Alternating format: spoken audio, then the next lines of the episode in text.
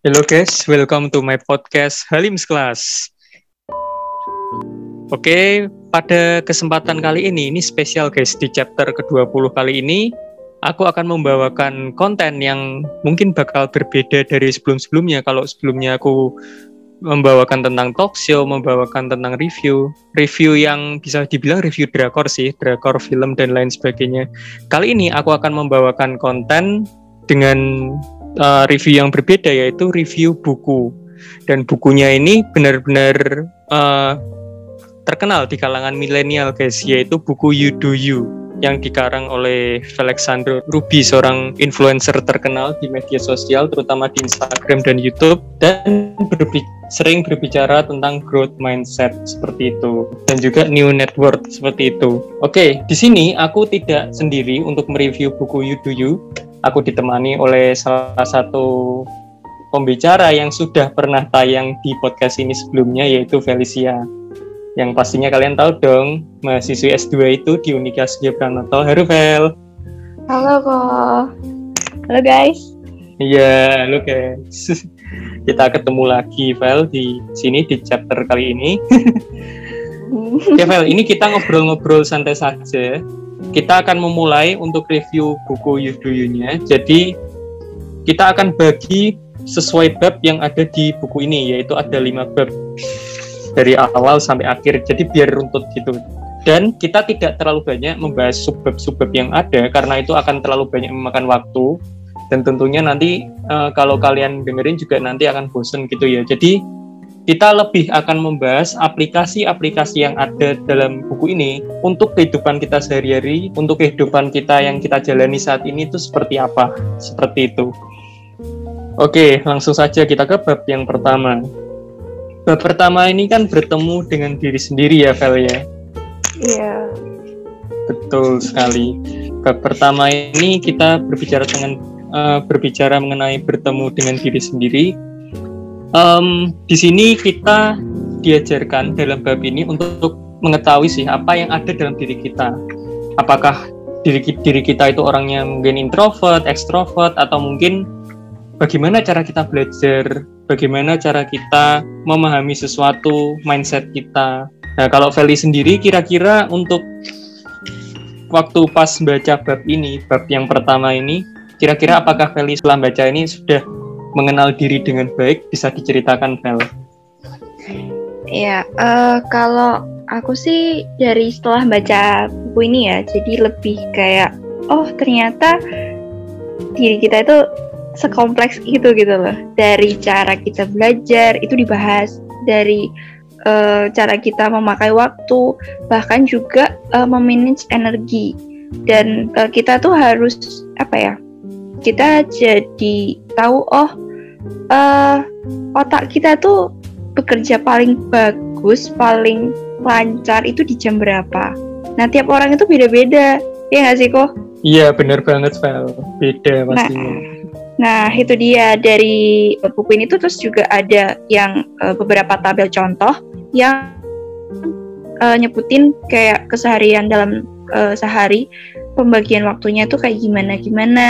Terus jam tanda kutip ya jam begonya itu kapan? Nah jam bego yang di sini tuh uh, lebih efisien kalau kita pakai untuk kegiatan-kegiatan ringan kayak gitu. Jadi kayak kita uh, kalau aku sendiri sih jadi ya lebih tahu oh kapan aku harus uh, fokus untuk ngerjain sesuatu kapan aku harus santai kayak balesin WA dan segala macam kayak gitu dan kalau di sini kan yang ini kan bab satu kan menurut aku tuh kayak uh, itu bagus. Jadi itu ada satu poin di mana menurutku itu benar karena kalau bertemu dengan diri sendiri itu nggak melulu tentang kita uh, cuman bergantung sama diri sendiri. Jadi kita tuh tetap butuh orang lain untuk memberikan feedback. Nah orang lain di sini ya itu orang yang selalu mendampingi kita tapi nggak segan buat berkata jujur tentang kita. Contohnya kayak kalau aku pribadi ya, aku punya uh, support system kayak sahabat-sahabat aku. Uh, mungkin beberapa orang yang sudah berkarir, mungkin mereka punya mentor kayak gitu kok. Koko sendiri gimana? Um, kalau aku setelah membaca buku ini, aku jadi tahu ini lebih ke ya sama seperti dirimu yaitu jam begoku itu jam berapa jam saat-saat aku bisa berpikir dengan jernih berpikir secara kreatif itu jam berapa? Kalau boleh sharing aku itu jam kreatifnya itu biasanya cenderungnya pagi. Pagi jam 8 sampai jam kira-kira jam 3 jam 4 gitu ya. Kayak orang kerja gitu.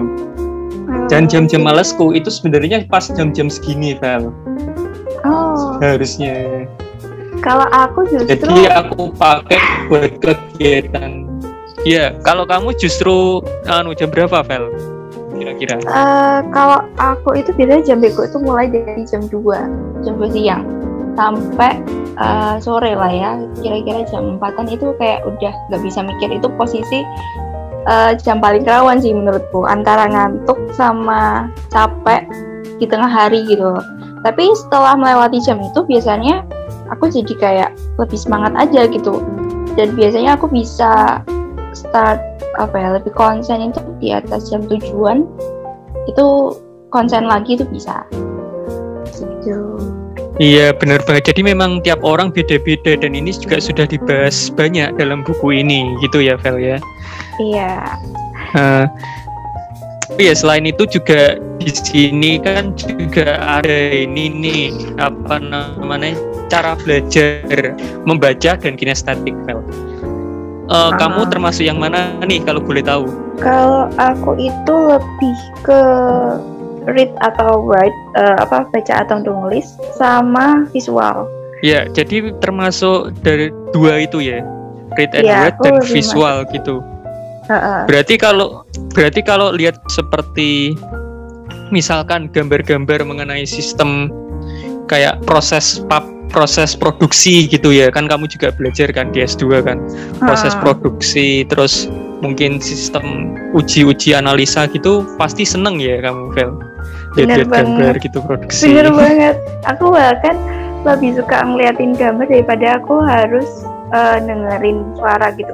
Bahkan seringnya aku tuh nonton YouTube tapi suaranya tuh gak ternyalain kok. Jadi aku cuma lihat ya lihat videonya aja gitu tanpa dengerin suara.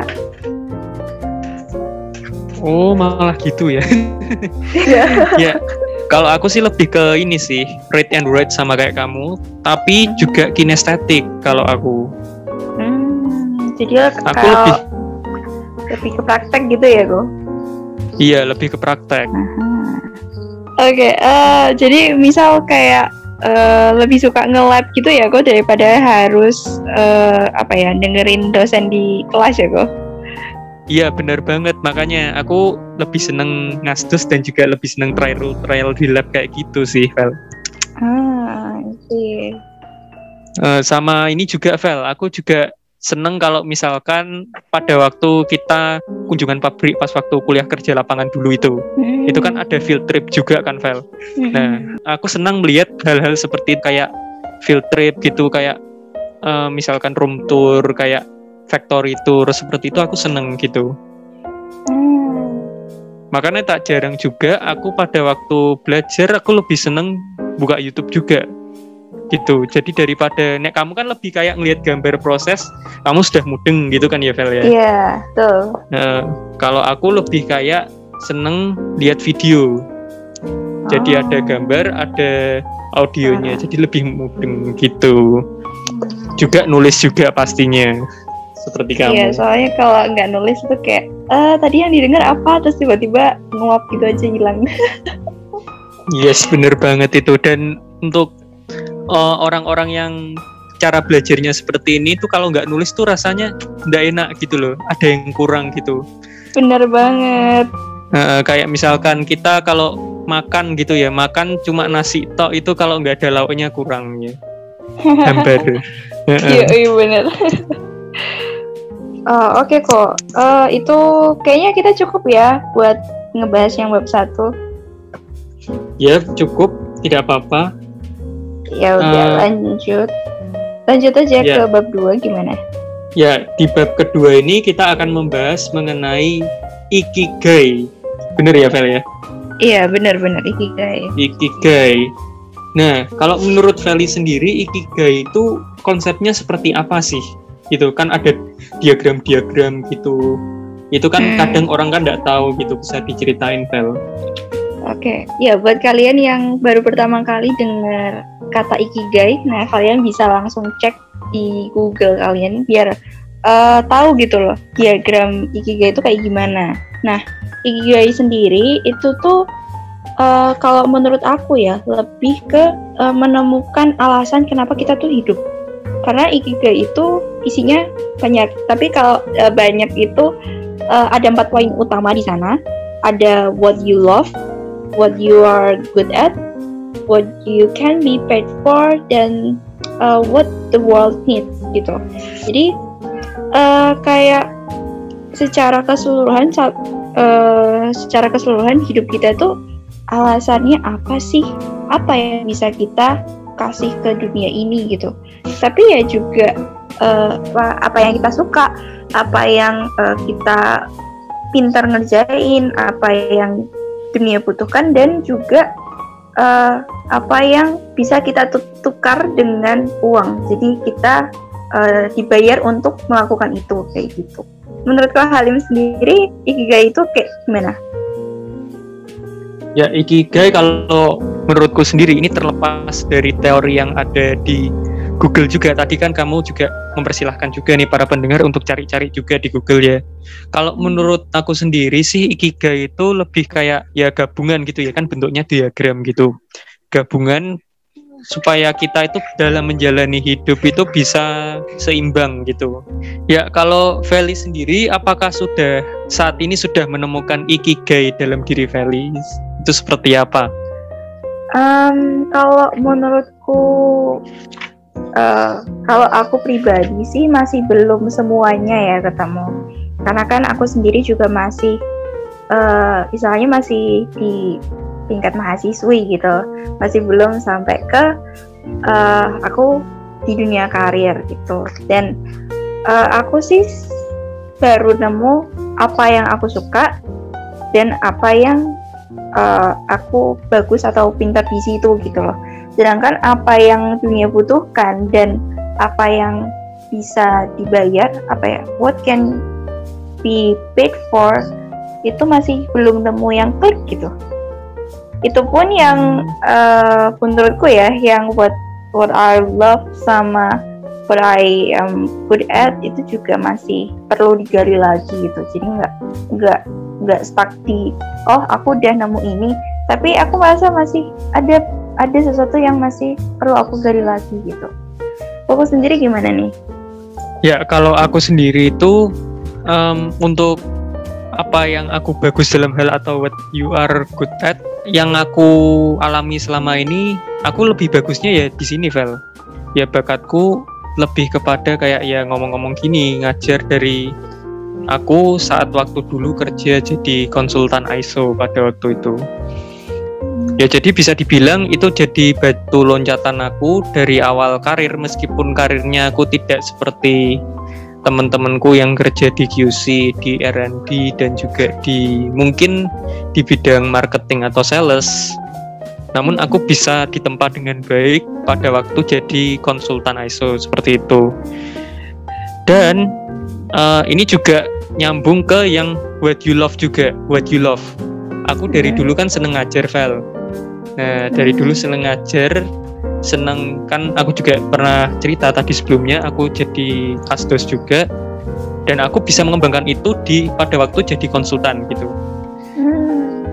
Nah, dan dunia kan sekarang kan juga butuh nih yang namanya konsultan. ISO terhadap pabrik, terhadap apa, terhadap mungkin perusahaan-perusahaan gitu. Dan juga dunia saat ini juga membutuhkan seperti ini podcast ini. Sekarang kan banyak podcast-podcast lain podcast Selim's Class ini juga uh, banyak yang ditayangkan gitu baik di Spotify ataupun di YouTube seperti itu. Jadi banyak podcast menginspirasi selain podcast Selim's Class ini yang juga dunia butuhkan dari pembicara-pembicara dari mungkin moderator yang mungkin lebih berpengalaman dari aku gitu. Jadi apa yang aku senangi dan apa yang aku bagus dalam hal itu itu aku sudah bisa menemukan untuk saat ini.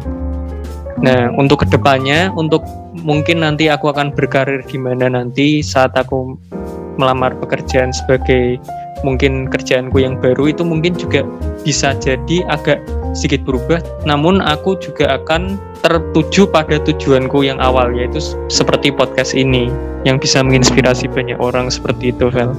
Sehingga nantinya juga nanti bisa menghasilkan banyak uang seperti yang ada di ini konsep ikigai ini yaitu what you can be paid for seperti itu.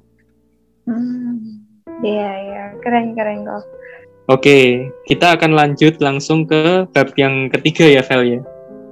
Oke. Okay. Nah, Tadi bab ketiga ini kita bahas tentang designing uh, our life ya.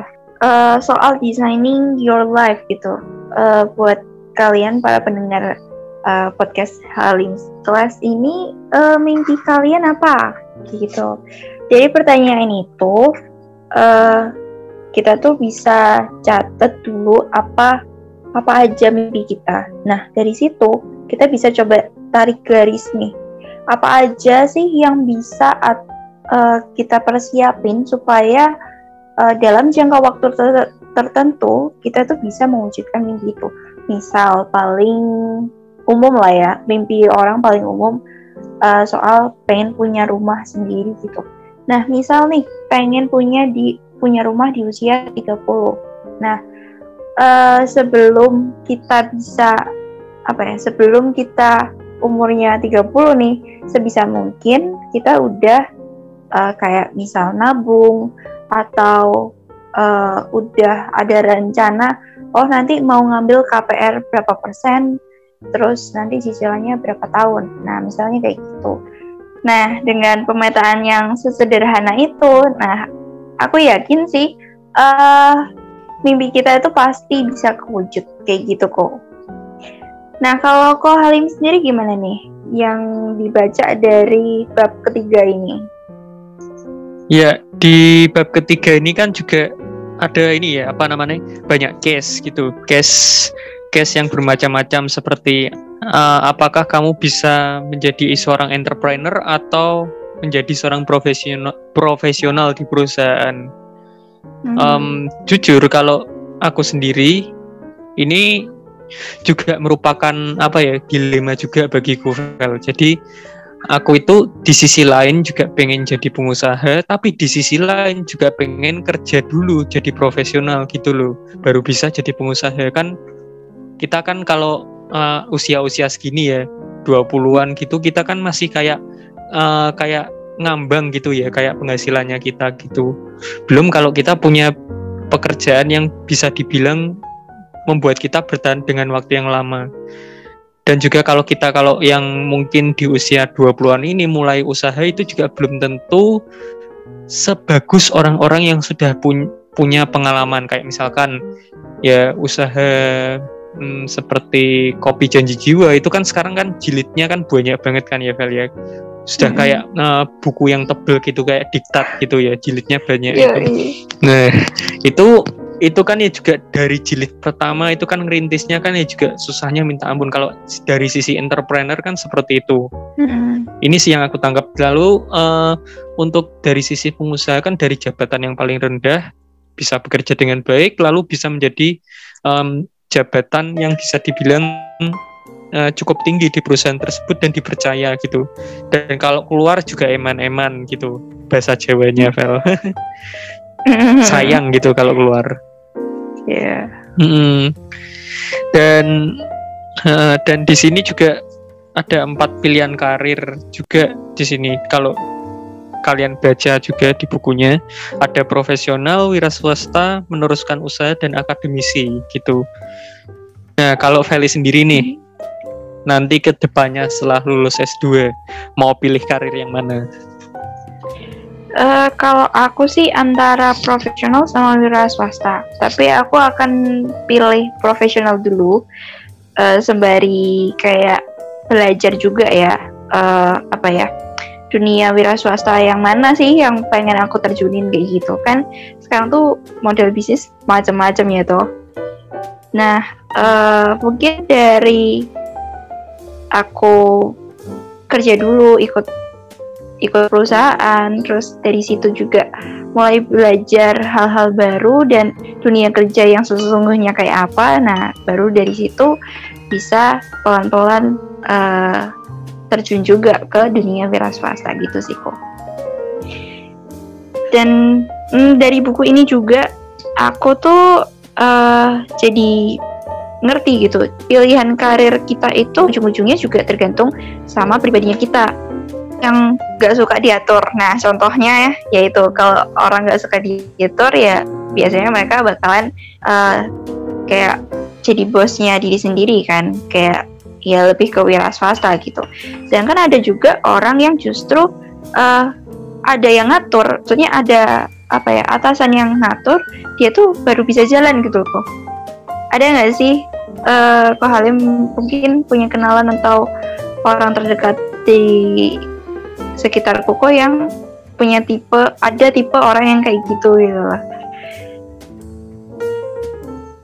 Oke, jadi yang tipe yang susah diatur gitu ya, Vel ya? Uh, ada yang susah diatur, ada yang justru dia tuh butuh diatur biar bisa jalan gitu. ya kalau bisa dibilang orang yang susah diatur itu sejauh ini sejauh uh, aku uh, koneksi-koneksiku yang ada di Instagram yang ada di uh, lingkunganku gitu sejauh ini belum ada sih belum ada yang bisa hmm. dibilang kayak susah diatur dalam hal kerjaan itu di pekerjaan gitu malah hmm. aku menemukan yang ketiga Vel yang meneruskan usaha papahnya itu ada oh Iya, iya. Jadi di angkatanku itu, itu ada salah satu orang yang papahnya itu punya usaha bandeng ju, bandeng presto yang ada di Jalan Pandanaran kalau yang ada di Semarang itu. Oh. Ya. Yeah. Jadi dia itu meneruskan usaha dari turun temurun dari kakeknya, papanya lalu nanti jatuh ke dia kayak gitu. Jadi oh. orangnya sekarang ya bisa dibilang tidak kerja gitu ya, ya nerusin usahanya papanya gitu dibanding Presto itu. Kalau yang yang meneruskan usaha itu ya itu ada. Terus yang saat ini S2 kayak kamu juga ada di Taiwan satu hmm. orang. Dan mungkin cita-citanya juga mungkin di akan akademisi juga gitu. Oh. mungkin jadi dosen gitu Vel oke dan menurutku juga ini nanti ini di buku ini juga aku belajar di bab ketiga ini yaitu belajar bersahabat dengan kegagalan gitu. Nah, saat ini juga sambil aku sharing ya. Jadi aku sebenarnya pernah gagal hampir 100 kali melamar di perusahaan-perusahaan tertentu pada waktu dulu sebelum Covid. Hampir 100 perusahaan aku gagal aku lamar dan bahkan sampai Covid itu aku belum sampai dapat pekerjaan hampir lama juga hampir satu tahun aku belum dapat pekerjaan sekitar itu. Dan akhirnya waktu itu aku dapat jadi konsultan itu. Ya meskipun kurang begitu enak soal penghasilannya namun aku tetap anu tetap bisa belajar dari situ. Tetap bisa belajar ilmunya. Yang penting kan kalau kita bekerja itu kan itu ilmunya yang dipakai untuk nanti. Kemudian kalau kita ditempatkan di pekerjaan yang baru kita bisa seperti itu Vel. Mm-hmm. Jadi aku pernah mengalami gagal dalam hal itu, pernah juga waktu kuliah juga gagal dalam mata kuliahnya Pak. Oke. okay. Nah itu uh, Pak tuh nah aku sempat pernah dapat nilai itu uh, eh, CD pernah aku sekali itu. Waktu itu mata kuliahnya adalah aplikasi komputer yang SPSS hmm. itu, Vel. Oh, Nah, ada Ya itu aku pernah kesulitan di mata kuliah itu makanya aku waktu itu skripsi tidak mengambil sama sekali yang berhubungan dengan SPSS pada waktu itu. hmm. Jadi Hmm, jadi ya aku ini bukannya menghindar ya, tapi kan meskipun nanti suatu hari kepake. Dan bahkan aku untungnya karena meskipun aku gagal di situ, uh, aku waktu kerja itu paling nggak tahu sedikit-sedikit gitu. Kayak ada klienku waktu itu pas waktu aku jadi konsultan itu butuh diliatin SPSS-nya mengenai data produksinya. Dia itu sudah bener apa enggak ada pendataan mengenai kayak batch pertama batch kedua. Itu juga sudah benar atau tidak? Itu juga kurang lebihnya jadi aku tahu gitu meskipun aku pernah gagal di mata kuliah itu. Jadi itu sedikit sharing mengenai gagalku waktu dulu selama di kuliah maupun saat aku melamar melamar pekerjaan pada waktu sebelum covid. Seperti itu. Ah menarik sih. Terutama yang pas Koko gagal ngelamar pekerjaan gitu ya. Uh, dari situ pasti jadi lebih dalam mengelamar bahkan hampir 100 kali gitu. Uh, dari situ kalau menurutku pribadi sih pasti dari situ ada banyak pembelajaran yang bisa dipetik. Terutama uh, dari gagal gitu. Justru dari gagal kalau gagal itu kan kayak kita udah kepentok terus akhirnya kayak ngeh gitu loh. Oh ternyata aku salah di sini gitu. Oh ternyata aku kurangnya di sini. Oh ternyata aku bagusnya di sini. Nah kayak gitu. Ya nggak sih tuh iya bener banget. Dan juga sempat aku waktu itu juga sempat kayak um, bisa dibilang agak sedikit depresi gitu. Udah berulang-ulang kali gagal gagal gagal. Dan aku sudah mencoba mengimprove tapi kadang tetap saja gagal gitu. Nah itulah kehidupan Vel jadi memang kita itu uh, serta merta itu berjalan mulus kalau kita mendapatkan suatu pekerjaan. Apalagi di saat ini pandemi gitu kan ya Vel hmm, benar banget tapi keren sih kok Halim nggak nggak nyerah kan tetap uh, do your best gitu itu yang yeah. aku appreciate sih iya yeah, aku memang uh, ini bukannya sombong ya buat hmm. uh, teman-teman pendengar juga dan juga Feli jadi uh, aku memang dari dulu memang uh, semangatnya itu luar biasa. Jadi kalau misalkan nggak depi kayak misalkan gagal di misalkan pelajaran A dari waktu dulu aku SD SMP SMA lalu gagal dalam mata kuliah. Kayak yang tadi aku sebutkan mata kuliah A B C kayak gitu itu juga tidak membuat aku kayak patah semangat gitu ya. Yang penting kita bisa melakukan apa pun asal itu uh, kita melakukannya dengan jujur dengan usaha sendiri dan juga dengan apa ya dengan didukung dengan doa kita tuh pasti akan bisa dimudahkan segala sesuatunya. Walaupun kenyataannya itu bisa dibilang tidak seindah harapan seperti itu. Mantap kok ya oke okay, ini bertiga ini anu ya banyak banget ya. Kan ini designing uh, your life gitu. Jadi memang banyak sekali yang kita bahas di sini. Yuk kita lanjut ke bab yang keempat ya Vel. Yuk nah Yoi. di bab keempat ini judulnya building uh, your new network. Nah network di sini uh, teman-teman pendengar pada tahu belum?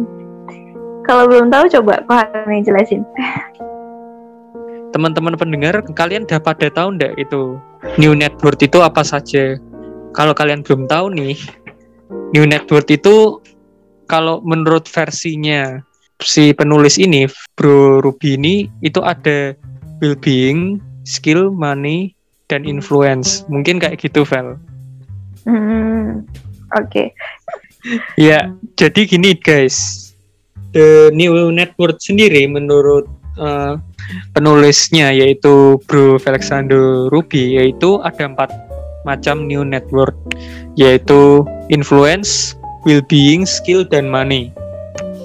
Nah di sini di um, new network sendiri itu um, mengharuskan kita untuk supaya uh, bisa dibilang seimbang dalam keempat hal tersebut. Jadi seperti itu. Jadi bagaimana kita mengembangkan skill kita, mengembangkan keuangan kita, lalu bagaimana kita seimbang dalam menjalani keseharian kita seperti bekerja, lalu waktunya istirahat, waktunya kita bisa mungkin lihat-lihat medsos atau mungkin kita lihat YouTube atau main game gitu. Bagaimana cara kita menjaga kesehatan kita setiap hari, lalu bagaimana cara kita uh, mempengaruhi seseorang influence, mempengaruhi orang lain supaya orang lain itu mau misalkan berteman dengan kita, mau menjadi rekan kerja kita, sahabat kita atau bahkan menjadi pacar kita seperti itu, guys. Nah, untuk new network sendiri, kalau menurut Feli sendiri nih, apakah Feli itu sudah uh, bisa dibilang seimbang dalam new network itu dari keempat hal tersebut bisa diceritain? Kalau dari aku sendiri sih sebenarnya masih belum sepenuhnya seimbang ya, tapi uh, sembari jalannya waktu juga berusaha untuk menyeimbangi gitu. Uh, kalau yang sekarang yang masih belum oke okay, itu pasti jelas dari money karena sekarang kan posisi aku masih mahasiswi dan nggak yang sebagai pekerja aktif. Uh, terus kalau untuk well-being sendiri sebenarnya juga ada struggle gitu di sini, di mana uh, selama COVID, uh, selama pandemi COVID ini sempat apa ya, kayak jam tidurnya tuh kacau. Nah dari situ terus kayak uh, jadi nggak enak aja badannya kayak gitu. Tapi akhir-akhir ini puji Tuhan udah uh, normal lagi karena pelan-pelan aku udah benerin habit aku terus juga hmm, kalau skill lebih ke belajar dan mengembangkan terutama uh, buat mempersiapkan karir ke depan kayak gitu. Kalau influence sendiri uh, mungkin nggak banyak ya yang aku apa ya berikan dampak ke sekitar tapi setidaknya aku sudah berusaha sedikit banyak lah ngebantu orang-orang di sekitar aku yang memang lagi butuh bantuan kayak gitu dan uh, beberapa kali aku juga I share what I know gitu terutama di sosial media dan juga kadang memang uh, ada teman yang butuh bantuan kayak gitu aku bantu gitu sih kok kalau kalian sendiri gimana nih Ya, jadi kan kamu tadi bilang share di sosial media ya. Salah satunya Feli ini memperkenalkan aku buku Yuduyu ini kepada aku waktu itu. Betul gak, Fel? Iya, benar sih. ya, jadi kalau dari aku sendiri setelah membaca bab ke berapa ini bab keempat ini yang mengenai new network bisa dibilang kalau aku aku sendiri hampir sama seperti dirimu yaitu dalam hal money juga belum seimbang. Meskipun dulu pas waktu aku kerja sebelumnya pernah bisa stabil namun itu tidak sepenuhnya. Karena memang ya kita juga masih usia sekitar 20-an termasuk aku juga ini kita masih agak masih belum bisa stabil gitu keuangannya gitu dalam mengelola hmm. keuangan.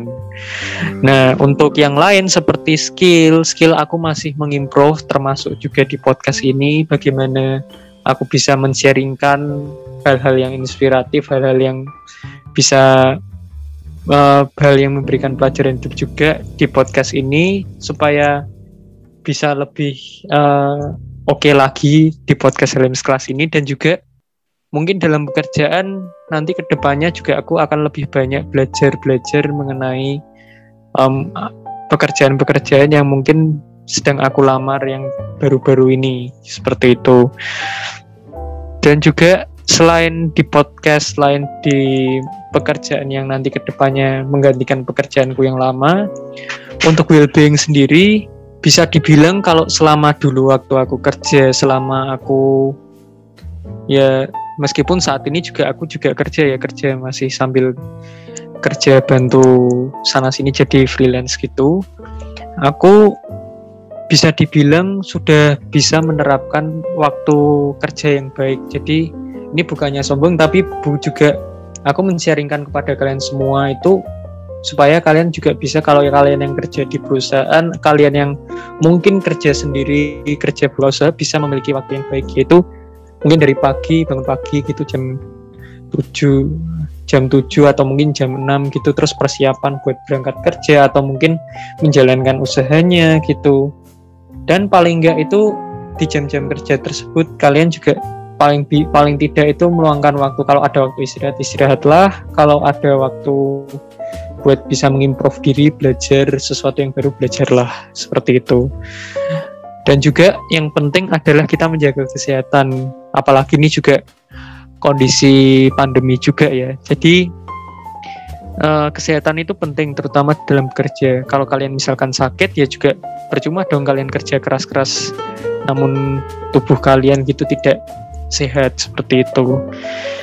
Dan untuk influence sendiri sejauh ini memang meskipun podcast ini uh, masih belum uh, sebesar podcast-podcast yang lain. Aku harap semoga ini bisa lebih menginfluence lagi ke banyak orang. Jadi seperti itu dan juga untuk aku sendiri untuk influence ke yang orang-orang yang lain bisa dibilang juga masih belum seberapa juga karena aku sendiri juga masih belum bisa menjadi seprofesional orang-orang yang bisa dibilang mempunyai jabatan tinggi atau memiliki usaha yang bisa dibilang wow gitu. Jadi seperti itu, Feli. Mantap kok. Oke, okay. uh, eh, kayaknya cukup ya kita bahas tentang uh, bab empatnya yang buildingnya uh, iya. network. Bisa nih lanjut nih. ke bab terakhir. Yaitu prinsipal. Oke. Okay. Oke, di bab yang terakhir ini, uh, prinsipal ini kita uh, cum, bisa dibilang ini adalah conclusion atau kesimpulannya gitu dari bab-bab sebelumnya. Apakah kita sudah mempunyai growth mindset ataukah fixed mindset gitu. Jadi kalau grow, growth mindset itu adalah pikiran yang bisa dibilang selalu berkembang, selalu berkembang dan juga kalaupun ada kegagalan kita mempunyai pikiran kita sering berjalannya waktu kita bisa berkembang bisa menjalankan sesuatu dengan baik seperti itu. Lalu um, untuk untuk uh, privilege gitu jadi dari hasil kerja kita mungkin apakah hasil kerja kita itu bisa mengeluarkan kita dari mungkin eh, saat-saat uh, kita masih bisa dibilang tidak menjalani kehidupan dalam hal keuangan dalam hal wealth itu apakah enak atau tidak gitu. Nah, kalau menurut Feli sendiri itu apakah Feli mempunyai mindset seperti itu di bab kelima yang akan kita bahas setelah membaca buku ini atau bagaimana bisa disaringkan Vel? Ya, uh, kalau aku sendiri sih uh, itu kan di buku ada tes kecil-kecilannya ya. Dari empat pertanyaan itu emang jawabannya sama sih, sama yang uh, diduga sama uh, Mas Ruby ini. Kalau aku puji Tuhan aja uh, aku punya yang growth mindset bukan yang fixed mindset dan uh, setelah aku cari-cari lagi ternyata growth mindset itu menjadi kayak akar dari um, daya juangnya kita. Kalau dalam bahasa Inggris sih biasanya disebutnya grit. Jadi uh, ada penelitian yang menyebutkan bahwa ciri-ciri orang sukses itu adalah punya grit yang tinggi. Jadi dia punya daya juang yang tinggi. Nah, daya juang itu uh, muncul ketika seseorang itu punya growth mindset. Jadi kalau misal orang itu ketemu nih sama yang namanya kegagalan, nah uh, orang itu enggak yang uh, menjudge diri sendiri terus kayak ya udah down ya down terus nggak ada daya juang untuk bangkit gitu. Jangan orang yang uh, punya growth mindset pasti akan berpikir bahwa kenapa ya? Aku kok gagal? Apa ya yang menyebabkan aku gagal? Terus apa yang bisa aku lakukan supaya aku uh, ke depan nggak gagal lagi? Kayak gitu kok. Ya yeah. ya yeah, oke. okay. Baik, jadi aku kurang lebih pemahamannya juga sama seperti dirimu sih, Vel. Jadi aku juga sejauh ini uh, mengembangkan diriku juga dengan baik. Mungkin juga dari belajar-belajar. Waktu dulu aku juga bekerja itu juga sambil belajar juga bagaimana menjadi konsultan yang baik, bagaimana menjadi seorang karyawan yang baik di perusahaan itu juga pastinya kita belajar gitu dan memiliki growth mindset. Dan termasuk juga podcast ini aku pun juga belajar untuk bisa lebih membawakan konten-konten yang bisa dibilang lebih menarik gitu. Walaupun mungkin kedengarannya sekarang kalau dilihat mungkin masih belum semenarik orang-orang yang uh, bisa dibilang profesional dalam podcast seperti yang aku ceritakan juga sebelumnya. Jadi begitu Feli. Ya mantap kok Uh, terus juga ada satu hal yang menarik dari buku ini, yang di bab ini ya, itu uh, melihat hidup kita dari jangka pendek sama jangka panjang. Kalau jangka pendek mungkin kelihatannya jatuh bangunnya, aduh kemarin udah oke okay nih terus hari ini ternyata jeblok lagi dan dan seterusnya kayak gitu kan nah padahal kalau kita lihat dari jangka panjangnya ternyata kita tuh terus bertumbuh gitu kayak uh, level kita tiap hari tiap uh, tahun itu bakalan naik. Ya nggak kok kalau iya benar banget. kalau kita bandingin uh, misal diri kita yang hari ini sama yang kemarin mungkin kayak naik turun naik turunnya kerasa banget gitu ya. Tapi kalau kita coba bandinginnya sama uh, diri kita di beberapa tahun lalu. Aku yakin itu pasti beda jauh banget ya enggak iya benar banget Vel. Jadi um, kalau misalkan dibuat grafik gitu kalau misalkan kita mungkin mengukurnya dari mungkin satu minggu mungkin satu bulan gitu dari uh, perkembangan kita mungkin dari yang kita gagal mungkin dari yang uh, mungkin naik turun seperti yang kamu sebutin tadi itu kan akan terlihat sekali. Namun coba kalau dibuat jangka panjang seperti yang kamu sebutkan mungkin katakanlah grafiknya dalam mungkin satu tahun dua tahun satu dekade satu window misalkan. Nah, itu akan terlihat bahwa kita itu sudah uh, rasanya kecil sekali perkembangan kita dari awal hingga akhir. Jadi bisa dibilang kita sudah melewati semua itu dan sudah merasa lega kalau misalkan kita sudah berada di titik yang terakhir itu yang kita sudah bisa menjadi sukses dalam hal jangka panjang itu. Benar Jadi banget. begitu. Benar banget. Ya. Jadi guys, untuk uh, review buku You Do You pada malam hari ini sekian dan semoga kiranya review ini bisa membuat kalian uh, membuka mindset kalian supaya bisa memiliki growth mindset, bisa menerapkan new net new network kalian secara baik dan juga uh, kalian bisa mengembangkan diri kalian, tahu diri kalian itu seperti apa dan kalian bisa mengikuti mimpi kalian ke depan. Seperti yang uh, mungkin di ada dalam uh, no kata-kata mutiara yang ada dalam drama startup gitu follow your dream seperti itu Oke, sekian dan terima kasih. Nantikan uh, review-review uh, dan talk show yang lebih menginspiratif lagi di chapter-chapter selanjutnya di podcast Helims Class. Sekian dan terima kasih.